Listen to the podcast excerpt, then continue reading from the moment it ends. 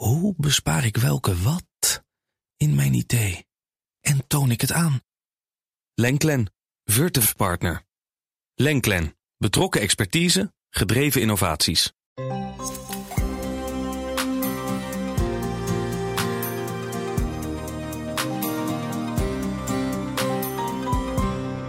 Dit is de Carbon Podcast, een podcast van Nieuwsbureau Energia en Grenzeloos Journalistieke Producties. Ik ben Tijdo van der Zee. Vandaag kijken we naar gebouwen en dan vooral gebouwen van hout en andere producten waar biogene CO2 in opgeslagen zit. Weet je die CO2 op een of andere manier te waarderen, dan kunnen gebouwen gaan meetellen als carbon removal maatregel. Hoe dit zit bespreek ik met Letitia Nosek, programmamanager CO2-reductie bij de Dutch Green Building Council, en Sven van Baren, CO2 en biomassa-onderzoeker bij Wageningen University and Research. Straks ook aan het einde van de uitzending vertelt Chris Guth hoe het kan dat de CO2-prijzen de afgelopen weken toch weer de weg omhoog hebben weten te vinden. Maar we beginnen weer met Jos Kozijnse. Hoi Jos. Dag Tijdo. Jij hebt weer naar de prijzen gekeken afgelopen week op de vrijwillige markten. Uh, wat viel je op? Nou, wat viel me op? Interessant, het biochar. We weten allemaal, die carbon removals willen we echt hebben. Er komen ook veel meer projecten. Die prijzen gaan ook wat omhoog nu. Uh, 160 euro per ton. Ja. Uh, dus dat, uh, ja, dat is interessant. Waar komen, die, waar komen, die, vandaan, die prijzen dan? 130, 140. 160 is mooi. Het kan een uitschieter zijn.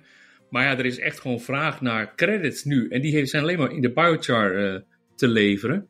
Mm-hmm. Uit air capture nog weinig hebben we het over gehad. Wat ik ook opvallend vond, is dat uh, de mangrove herstelprojecten, dat daar de prijzen ook wat omhoog gaan in de 20 euro per ton. Dat is super interessant, want dat is biodiversiteit, carbon removal, kustbescherming. Terwijl de andere nature-based uh, removals, met bosbescherming, bosaanplant en solar carbon ook, dat blijft nog steeds heel laag. Eigenlijk, Tijdo, zou je zeggen, de vrijwillige markt ligt nog steeds op zijn gat.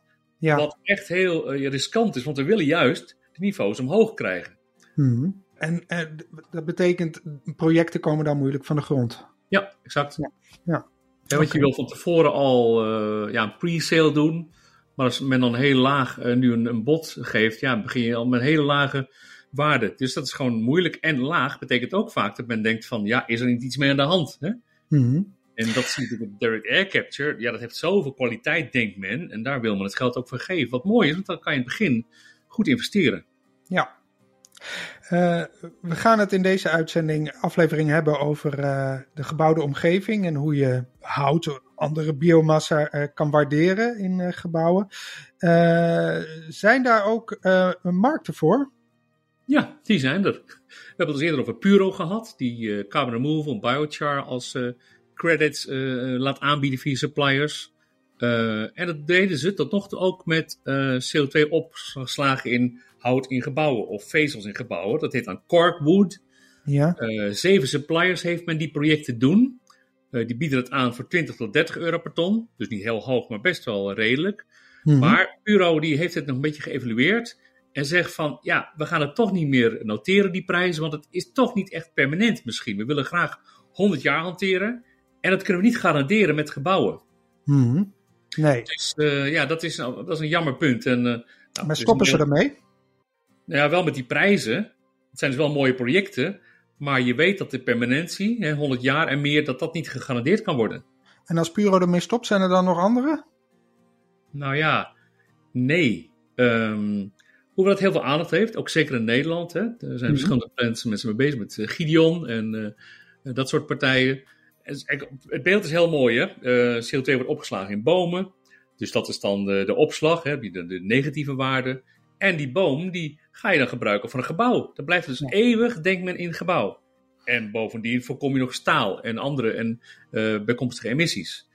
Alleen, omdat we nu zo erg gefocust zijn op de permanent removals, 100 jaar en meer, en we weten het van gebouwen nog niet.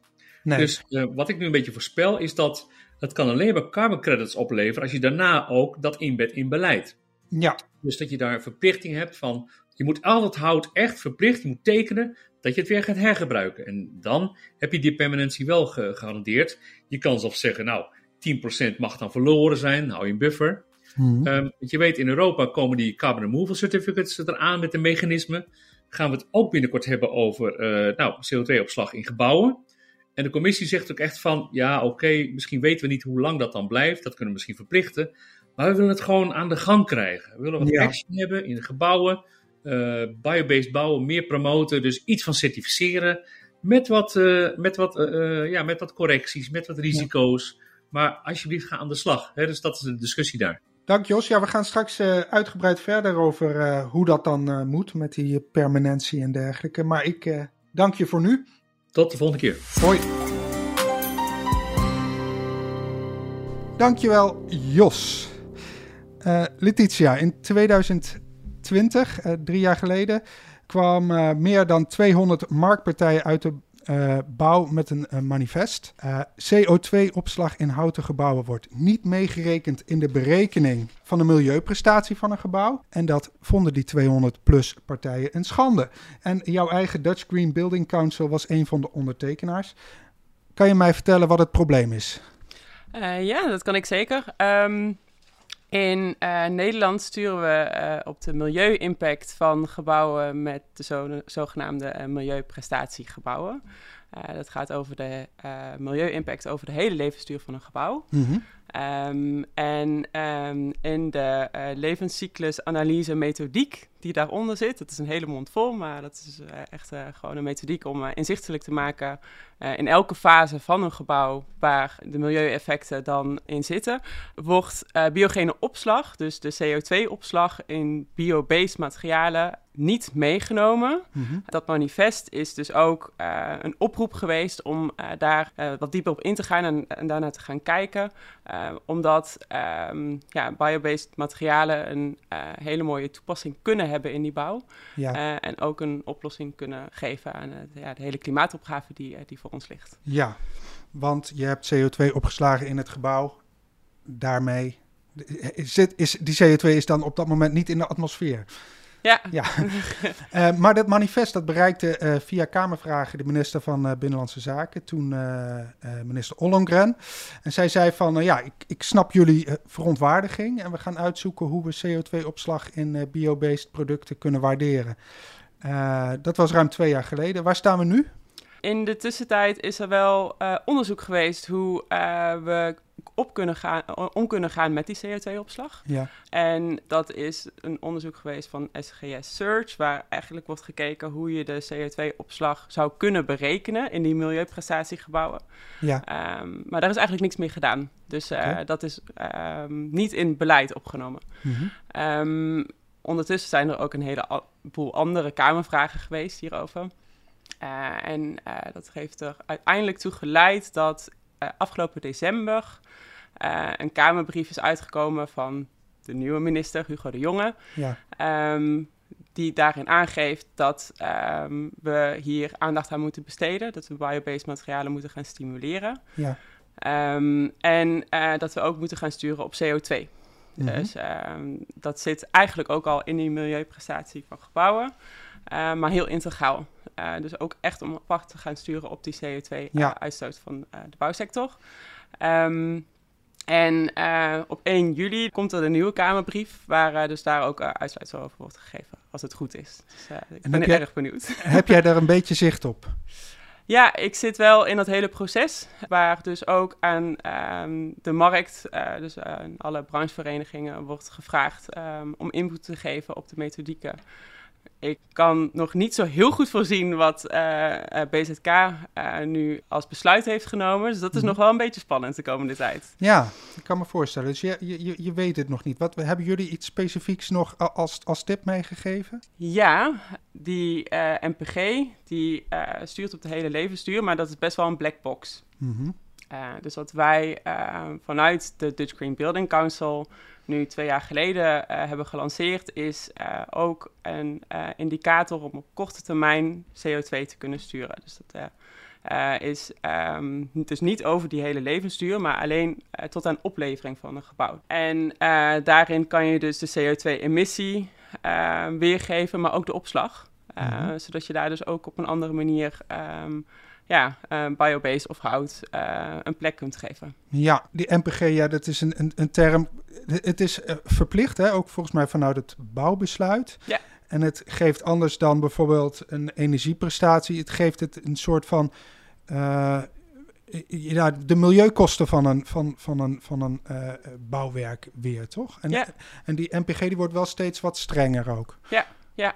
ja dus um, de uh, milieukosten worden in de MPG uitgedrukt in, uh, in euro's. Dus dat mm -hmm. zijn fictieve euro's die eigenlijk de milieu-impact in euro zou moeten weergeven. Um, en dat wordt uitgedrukt in um, euro per vierkante meter per jaar. Ja. Um, en uh, we begonnen in 2018 met een MPG van 1.0. Mm -hmm. uh, we zijn nu op 0.8. Um, en er werd eerder gesproken om in 2030 naar 0.5 te gaan. En uh, nu willen we dat eigenlijk vervroegen. Dus dat is ook onderdeel van diezelfde Kamerbrief. Ja. of we die 0.5 niet in 2030 kunnen gaan hanteren, maar in 2025. Ja. Dat is vijf jaar eerder. Ja. En, en, en in die MPG zit van alles, zoals ook bijvoorbeeld van waar komen die stoffen vandaan, hoe, hoeveel uh, milieuproblemen komen er bij de, de winning van die stoffen en bij het dumpen van die stoffen. En, en, ja. en de, dus de, ja. ja, dus het gaat echt om de productie, de constructie, de gebruiksfase. Mm -hmm. um, er zit energie niet bij. Nee.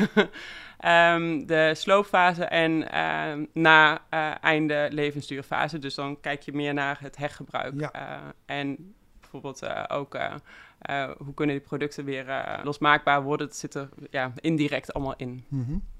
Als het aankomt op die levenscyclusanalyses en die dan nodig zijn voor de MPG. Hè? ik hoorde dat de, de leveranciers van houten producten en dergelijke misschien eigenlijk een beetje lui geweest zijn. Omdat ze altijd gedacht hebben van ja, wij hebben hout. Dat is een prachtig product. Wij hoeven toch geen levenscyclusanalyse te maken. Terwijl juist de producenten van producten waarvan we al vermoeden dat dat best wel eens vies zou kunnen zijn. Ik, aluminium, kunststof, kozijnen of zo. Dat die heel snel gedacht hebben. Hé, hey, als we nou een levenscyclusanalyse maken, dan kunnen we kijken waar we kunnen verbeteren. Kunnen we misschien aantonen dat het allemaal wel meevalt. Dus dat die eigenlijk een voorsprong hebben opgebouwd. En dat eigenlijk ja, biobased uh, leveranciers nou een beetje op de blaren zitten. Klopt dat? Ja, dat klopt wel. Ik denk als je naar het ontstaan kijkt van onze nationale milieudatabase, waar, mm -hmm. Die je moet gebruiken om je MPG te maken, mm -hmm. dat daar van origine heel, heel veel traditionele bouwmaterialen, brancheverenigingen, producenten mee bezig zijn geweest. En Mhm. inderdaad, de houtsector die is net, net wakker geworden. Ja. Uh, die heeft de afgelopen jaren wel echt een enorme sprong gemaakt. Wordt nu ook echt goed gestimuleerd dat er dus meer uh, houtproducten en biobased producten uh, in komen te staan.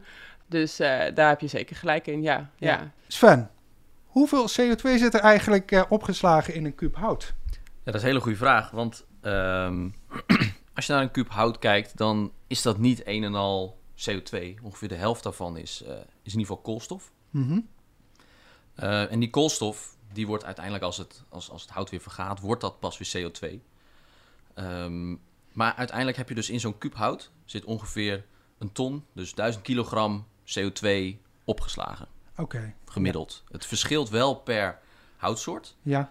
Um, maar waar je grof mee kan rekenen is dus 1000 kilogram. Maar het ligt aan of je heel licht hout hebt of heel zwaar hout, zeg maar. Het ligt echt aan de dichtheid van, uh, van het type. Ja, en in dicht hout zit meer CO2. Ja, zeker. Of, althans, er zit geen CO2 in. Maar... Er zit meer koolstof in opgeslagen, ja. ja. ja. Dus het is ook gewoon zwaarder vaak dan, ja. Ja. Uh, jij houdt je bij uh, Wageningen University and Research bezig met de hoeveelheid CO2 die onze, in onze Nederlandse bossen zit. Ja. kan je daar iets meer over vertellen? Ja, ja zeker. Um, nou, zoals de heer Samsom eigenlijk in de eerste aflevering al heel goed de, de, ja, de sector waar ik in werk, de LULUCF, de Land Use, Land Use Change and Forestry, mm -hmm. ook wel landgebruik. wij rapporteren daarin eigenlijk ja, alle CO2-emissies en uh, verwijderingen die in Nederland optreden vanuit landgebruik en bossen. Ja. Nou, bos is daar natuurlijk een heel groot deel van, want bomen slaan heel veel CO2 op door gewoon ja, te groeien. Ja. Um, nou ja, wij gebruiken daar bijvoorbeeld data van, van de Nederlandse bosinventarisatie. Uh, daarin wordt eigenlijk iedere, ja, ieder paar jaar wordt daar, worden daar plots in Nederland worden opgemeten, alle bomen, om te kijken van oké, okay, hoe staat het ervoor met de bossen? Hoe hard groeien ze? Hoeveel wordt er geoogst? Hoeveel sterft er af? En die data gebruiken wij uiteindelijk om te kijken door de tijd heen van oké, hoe ontwikkelt het bos zich? Ja. En hoeveel CO2 wordt er opgeslagen en hoeveel komt er vrij? Ja, maar dus die bossen zijn voor jou eigenlijk een grote database. Wanneer begint die uh, in tijd? Ja, dat is ehm, de, de data die we nu gebruiken, die begint in ieder geval in 1990. Maar er zijn wel oudere data nog. Maar dat is dan soms moeilijker om daarvan te kijken, oké, hoe het bos zich precies heeft ontwikkeld. Dat mhm. was meer momentopname. Wat we nu hebben is dat we eigenlijk vaste plots hebben. Dus die we al nou ja, meer dan 20, 30 jaar dezelfde plots bezoeken en kijken van oké, in dit stuk bos uh, zijn er zoveel bomen van deze soort bijgekomen. Er zijn zoveel uh, zijn er omgevallen of zijn er geoogst. Dus dat we echt kunnen zien van oké, hier is op deze specifieke plek is dit gebeurd. En als je dat op meerdere plekken in heel Nederland doet, dan krijg je uiteindelijk een algemeen beeld van uh, ja, het volledige bos in Nederland. Ja, goed, deze uitzending gaat over bouw. Ja. dus krijg jij ook data over hoeveel hout uit die bossen dan voor de bouw beschikbaar komt? Ja, ja, ja, zeker. Ook vanuit de Nederlandse bosinventarisatie weten we door die vaste punten hoeveel er geoogst wordt. Mhm. Dat is in Nederland uh, iets meer dan een miljoen kuub uh, ja, hout. Ja. Uh, en daarna krijgen wij van ProBos krijgen wij data over hoeveel hout er in Nederland is geproduceerd als rondhout. Dus echt als um, ja, wat gebruikt kan worden in de bouw. Mm nou, daar zit een stukje verschillen, want wij zien dat ongeveer een miljoen kuub verdwijnt uit het bos als ja. oogst. Dus dat is geen ontbossing, dat is oogst. Ja. Um, en ongeveer 700.000 kuub wordt er in Nederland jaarlijks geproduceerd aan bouwhout, mhm. als rondhout. Uh, en dat, die data verkrijgen zij door bijvoorbeeld bij zagerijen uh, te vragen van oké, hoeveel hebben jullie geproduceerd? Ja, en waar blijft die andere 300.000 kuub? Dat is een hele goede vraag. Dat, uh, ja, dat, dat weten wij ook niet. Wij nemen aan dat dat dan brandhout is. Dus dat is eigenlijk het. Wij zien, oké, zoveel verdwijnt er. Zoveel weten wij dat er in bouwhout wordt veranderd. En dat missende stuk, dat nemen we aan dat dat brandhout is geworden. Dus dat zien wij in onze berekeningen. En kunnen dat geen pellets zijn die in de energiecentrales verdwijnen? Of misschien uh, papier of eh, andere? Nee, papier dat houden we ook goed bij. Dat, dat, dat, die, de, de, de papiersector houdt dat heel goed bij en de kartonsector. Uh, ja, maar dat, dat kan ook door mensen zelf gesprokkeld zijn. Dat, dat mhm. kunnen kleine bosjes uh, bij in ieder dorp om de hoek zijn waar je ja, bij de buurman die een stukje bos heeft als je daar wat gaat halen, dat, dat verdwijnt dan gewoon van onze radar, zeg maar. Ja. Dus dan nemen we aan dat dat uh, brandhout is. Ja, oké. Okay. 700.000 kuub gaat dus naar de uh, uh, bouwsector. Ja. en dat is dus 700.000 ton CO2. Ja. Ja. Ja, Oké. Ja. ja. Uh, maar ja, de, dat, dat, uh, die CO2 die daarin opgeslagen zit, uh, die komt op een gegeven moment natuurlijk ja, weer vrij. hoe, hoe rekenen jullie met, ja, als jullie willen weten hoeveel CO2 mm, in die bossen zit opgeslagen of in dat hout? Ja. Nou ja, als wij, wij weten dus vanuit, vanuit ProBos van de data over hoeveel rondhout er is geproduceerd, weten wij ook hoeveel van welk product is gemaakt, zeg maar. Mm -hmm. dus bijvoorbeeld van ja, van rondhout houden wij aan dat het na 35 jaar dat de helft is verdwenen. Dus stel je haalt in uh, 2000 oogst je wat ja. en dat wordt rondhout gemaakt.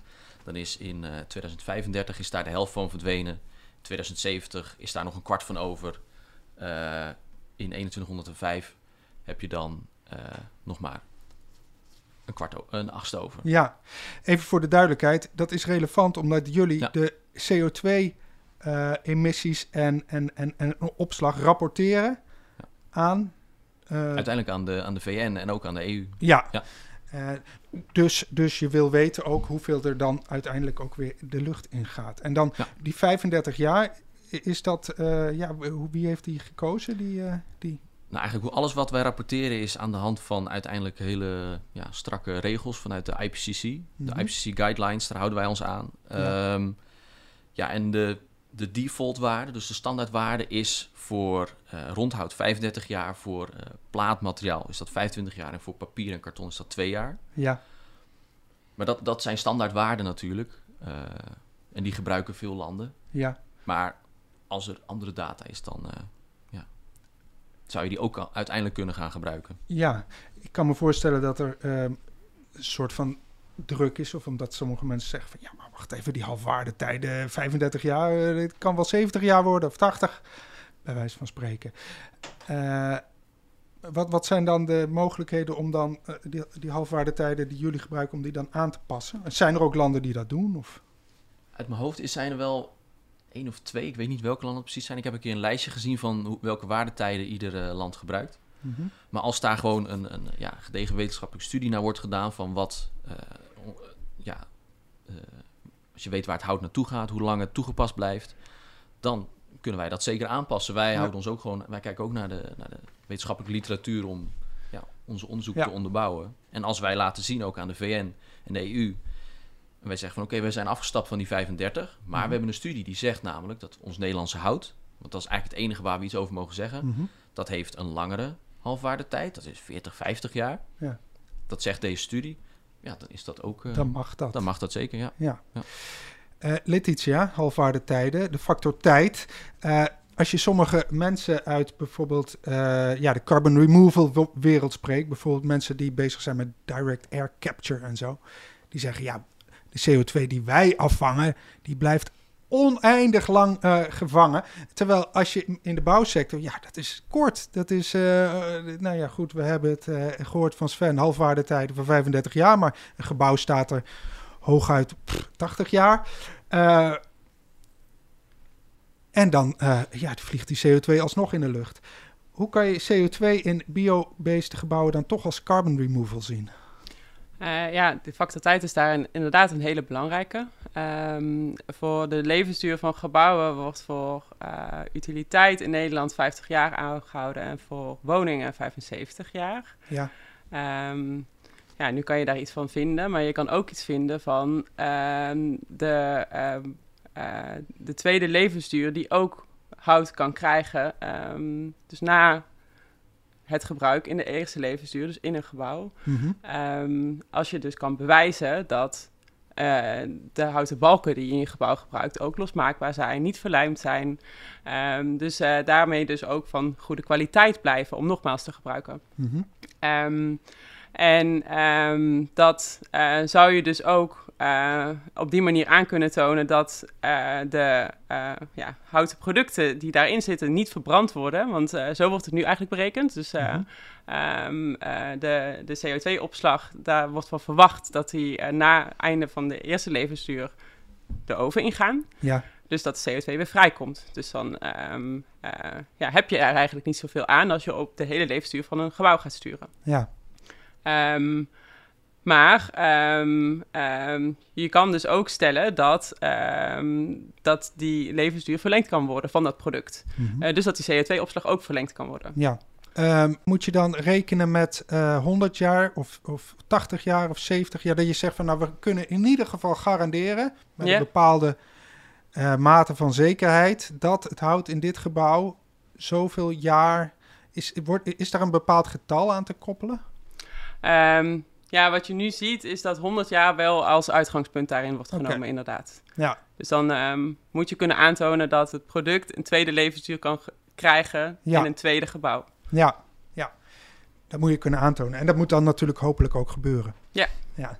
Um, er komt dus waarschijnlijk straks in juli een, een, Kamerbrief waarin gezegd wordt: Nou, deze methode gaan we gebruiken. Ja. Maar we zijn nog niet zo ver. Zijn er desalniettemin toch al proefprojecten in Nederland geweest waarbij ja, een soort van uh, berekening is gemaakt, zeg maar, hiervoor? Ja, zeker. Um, uh, dat is wel leuk. Ik uh, sprak gisteren met, met Tala en met Startblok. Dat zijn allebei modulaire bouwers. En die hebben dus ehm, de, um, de CO2-opslag van hun gebouwen ook berekend. En dan mhm. kan je dus stellen van oké, dan schets je een weg naar klimaatpositieve bouw. Mhm. en uh, zij gebruiken heel veel biobased producten. Dus uh, niet alleen hout, maar ook biobased isolatiemateriaal. Ja. En ook via het Construction Stored Carbon initiatief van ASN en de Climate Cleanup hebben zij een uh, methode waarbij je dus echt ja, de carbon credits inzichtelijk kan maken. Okay. Um, en daar zijn ze nu dus ook projecten aan het doorrekenen. Um, en zijn ze ook aan het zoeken, oké, okay, hoe kan dit weer een plek krijgen in, ja, ook in de, in de business cases in feite. Ja, dus er wordt al een soort van mee geëxperimenteerd. Ja. Maar het heeft nog geen officiële status. Nee. nee. Uh, zijn er landen die het probleem, nou in ieder geval dit wel hebben uh, getackeld? Ehm, ja, een mooi voorbeeld daarvan is, is Frankrijk. Ja. Um, die heeft um, de LCA-module, uh, alle modules die daarin zitten, op een andere manier benaderd. Dus zij zeggen... Um, um, LCA is levenscyclusanalyse, hè? Ja, ja. ja. Um, die zeggen eigenlijk uh, de, de korte termijn is belangrijker dan een wat langere termijn. Ja. Dus uh, we gaan dat ook waarderen. Dus zij sturen ook op die hele levensduur van een gebouw. Ja. Um, maar um, zij uh, stellen dat uh, tot aan oplevering van een gebouw dat, uh, dat die periode heel erg belangrijk is. Mm -hmm. de gebruiksfase ook belangrijk, maar wat minder belangrijk. Ja. Net als de sloopfase. Dat is um, een beetje op, dezelfde, op hetzelfde niveau als de gebruiksfase. Ja. en die fase D, na einde van de eerste levensduurfase, dus dan krijg je ja. meer de recycling hergebruik waardes die daarin komen, die uh, waarderen ze dus weer wat minder. Ja. Um, zodat je uh, uiteindelijk dus meer kan gaan sturen op die korte termijn, waar dus ook de CO2-opslag in zit. Het, het, gedeelte waarin het gebouw wordt gemaakt eigenlijk. Ja, echt de bouwfase. Ja, ja. Uh, en waar dus ook de CO2 dan wordt opgeslagen. Dus je, je, je, je waardeert dan de verschillende fases waarin een, van, een, van een gebouw dus, dus anders dus het gedeelte waarin de CO2 normaal dan weer zou vrijkomen, die geef je een iets mindere waardering. En de fase waarin het CO2 wordt opgeslagen, die geef je een hogere waardering. Ja.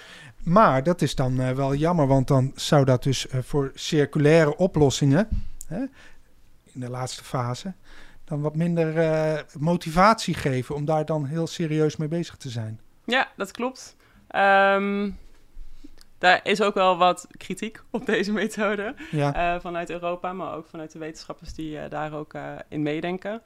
Um, wat um, wij eigenlijk wel als toekomstbeeld zien, is dat we dus naast die milieuprestatiegebouwen, die dus juist ook circulariteit een plek geeft, ja. um, een aparte indicator moeten hebben op die korte uh, korte termijn, dus op die bouwfase. Dus dat je er eigenlijk twee naast elkaar oh, hebt, ja. in plaats van dat je hem in elkaar oh, drukt. Ja, ja. Uh, dus dat is een optie. Een andere optie is ook uh, uh, ja, die Finland hanteert. Die pakt echt de carbon footprint van een gebouw, dus de uitstoot. Ja. En um, die geeft daarnaast weer wat de car carbon handprint is. Dus dat is dan juist die opslag en die hergebruikwaarde.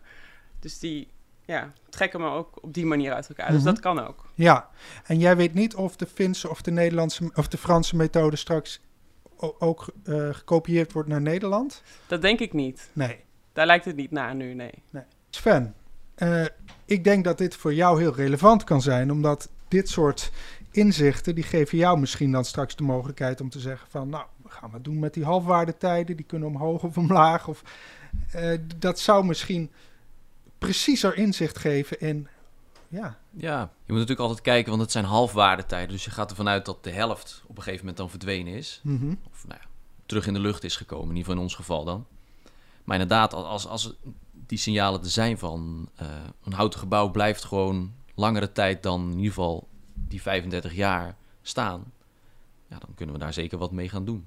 Ja. Maar dan, dat is natuurlijk wel weer de vraag, want die, die hoeveelheid die ik net noemde, we weten dan dus welke hoeveelheid uh, naar bijvoorbeeld plaatmateriaal of balken gaat. Maar dan moeten we eigenlijk daarvan weer weten hoeveel er precies in een gebouw gaan eigenlijk. Ja. Dus dat is, ja, moet je het eigenlijk inderdaad bij gaan houden.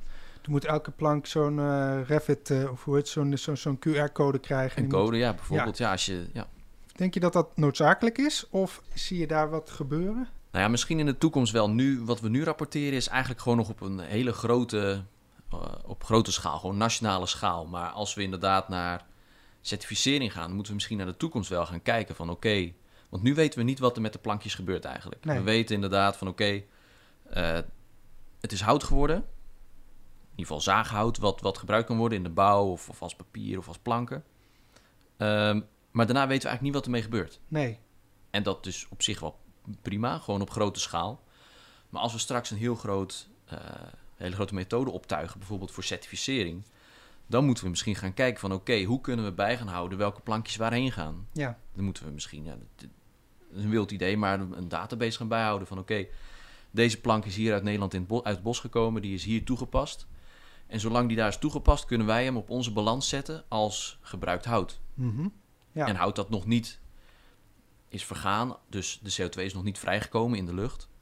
Maar dat, dat is er nu nog niet. Dit is een uh, ja. heel wild idee, maar dit, wij kijken nu puur naar de grote nationale cijfers. Ja, dat certificeringstraject dat is dus vanuit Europa inderdaad ingestart. Hè? Dus dat gaat niet alleen over het certificeren van hout, maar ook over uh, direct air. Al die technieken die, die moeten dan straks gecertificeerd worden. En dat zou dan uiteindelijk kunnen leiden tot uh, nou, een markt waarbij ook een prijs gehangen wordt aan uh, nou, hout bijvoorbeeld. Ja, zeker, ja. Ja, kan je me nog heel even vertellen hoe, hoe dat onderzoek van jullie eruit ziet? Ja, we zijn inderdaad betrokken. Ja, we ondersteunen de expertgroep eigenlijk, die, die hier nu naar aan het kijken is naar die certificering. Mm -hmm. dus ook vanuit de bosbouwprojecten, maar ook vanuit, vanuit de bouw, de certificering daarvan. En daar zijn we ook eigenlijk naar de dingen die Letitia zojuist noemde aan het kijken van oké, hoe, hoe wil je dit certificeren? Er zijn al voorgaande studies ook vanuit de, de commissie geweest um, om hier naar te kijken. En we zijn eigenlijk al die inzichten aan het verzamelen. Dus we zijn niet opnieuw het wiel aan, wiel aan het uitvinden. Mm Maar we zijn juist ook aan het kijken van oké, wat is er al? En wat is daar, wat zijn daar best practices van en hoe kunnen we die toepassen? Zodat uiteindelijk dat we dan advies kunnen geven, maar dat uiteindelijk wel aan de commissie is om daar een beslissing over te nemen hoe zij dat toe gaan passen. Ja. En hoe zij dus certificering die er al is, een stempel kunnen geven van dit vinden wij een goede manier van uh, certificeren uiteindelijk. Ja, ja, dat waarderen Letitia van CO2 in uh, bouwproducten. Zoals dat nou dan straks er wordt voorgesteld door, door de minister. Is dat dan ook volgens jou een opmaat voor het certificeren en het ja, in financieel uh, kunnen waarderen van, van hout in, in gebouwen? zou Zeker kunnen, uh, inderdaad. Um, ik denk dat um, de CO2-prijs daar nog wel iets hoger zou, voor zou moeten worden dan dat die nu is. Um, maar wat je nu ziet, bouwen met hout is nog, is nog wel gewoon duurder. Mm -hmm. Dus dat mhm. zou zeker ook een manier zijn om de business case kloppen te maken voor, ja. uh, voor ja. de projectontwikkelaars. Ja. Maar de gewone CO2-prijs, uh, ja, die zit nou rond de 90 euro. Maar uh, per ton. Um, maar het is niet per se zo dat die prijs voor uh, het CO2-inhoud dan ook gekoppeld wordt aan de prijs. Dus, dat is waar. Dus je zou kunnen zeggen... Uh, heb jij een idee hoe hoog de prijs zou moeten zijn... om bijvoorbeeld bouwen met hout concurrerend te kunnen maken? Mm, nou ja, ik zou niet zo 1, 2, 3 zeggen hoeveel dat per ton zou moeten zijn. Je hoort... Ik hoor daar diverse uh, richtlijnen voor. Zo, ja. Uh, ja. rond de 300 euro. Um, soms wat hoger wat ik hoor, maar ja, een beetje die, die kant op. Per ton? Ja, per ton. Stel nou dat er dan straks inderdaad credits komen. Uh, dan is natuurlijk de vraag van ja, wie gaat die krijgen? Krijgt de bosbouwer die credit? leveranciers van de houten producten? de bouwers? Hebben jullie daar ideeën over?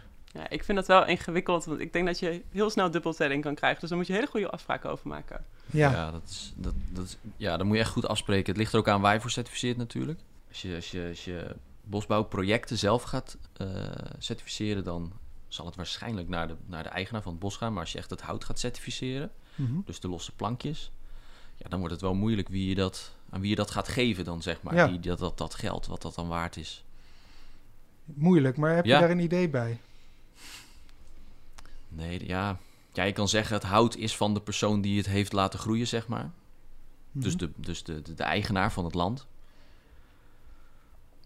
Maar ja, uiteindelijk...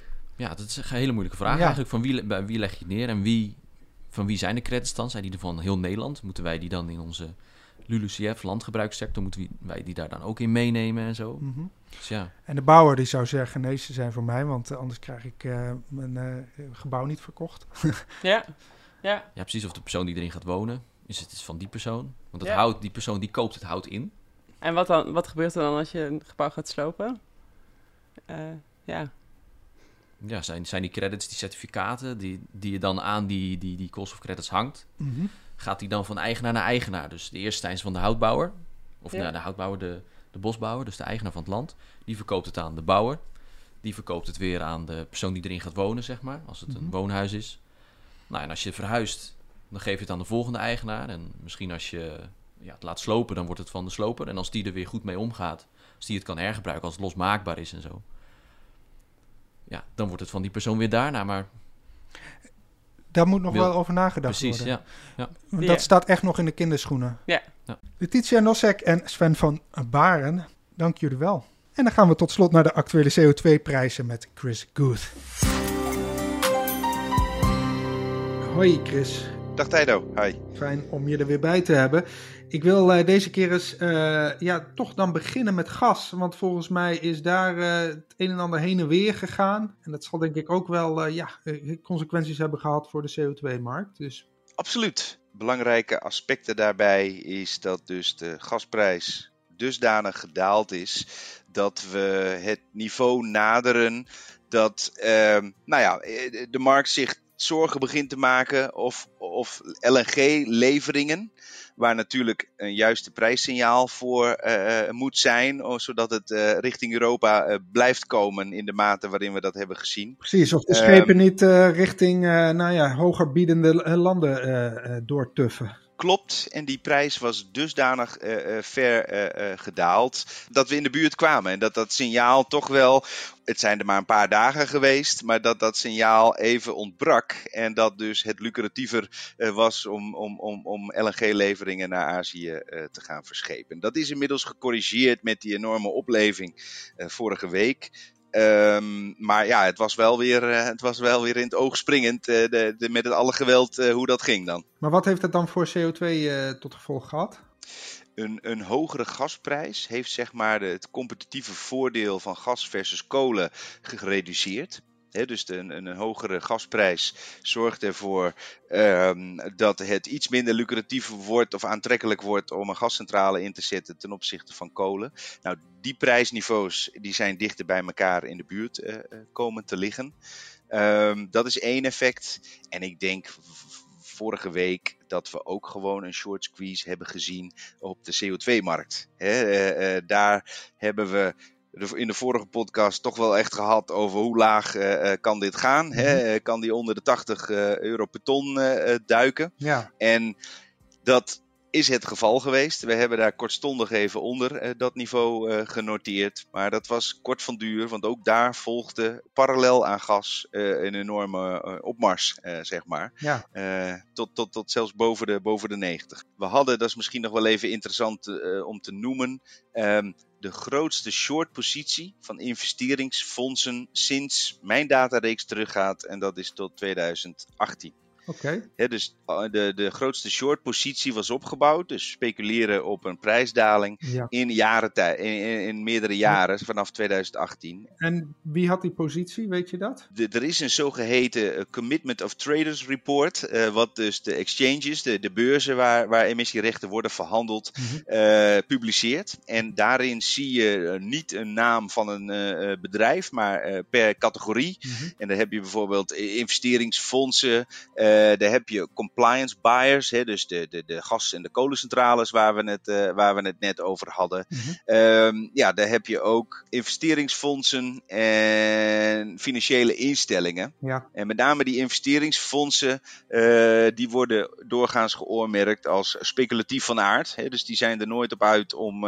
om daadwerkelijk een, uh, een ton CO2 uit te stoten, maar die functioneren wel als een, een, onderdeel van de markt. Maar die partijen hebben daar dus uh, wel eventjes uh, kunnen cashen?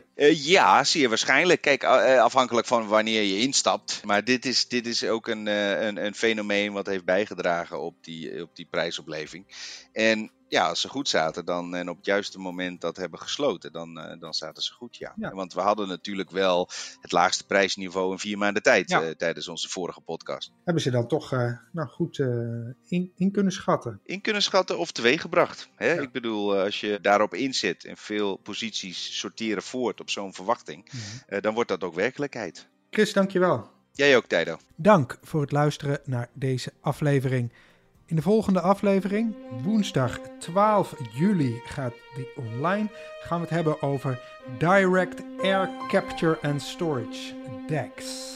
Mis de aflevering niet en abonneer je dus op de Energia Carbon podcast in je favoriete podcast app.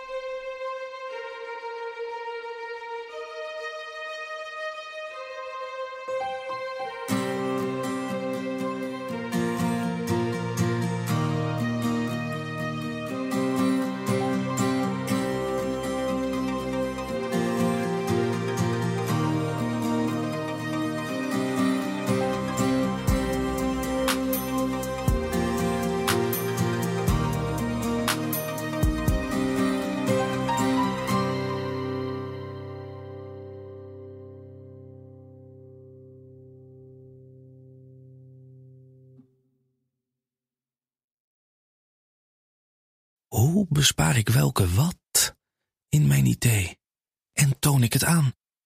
Lenklen, Virtuf Partner. Lenklen, betrokken expertise, gedreven innovaties.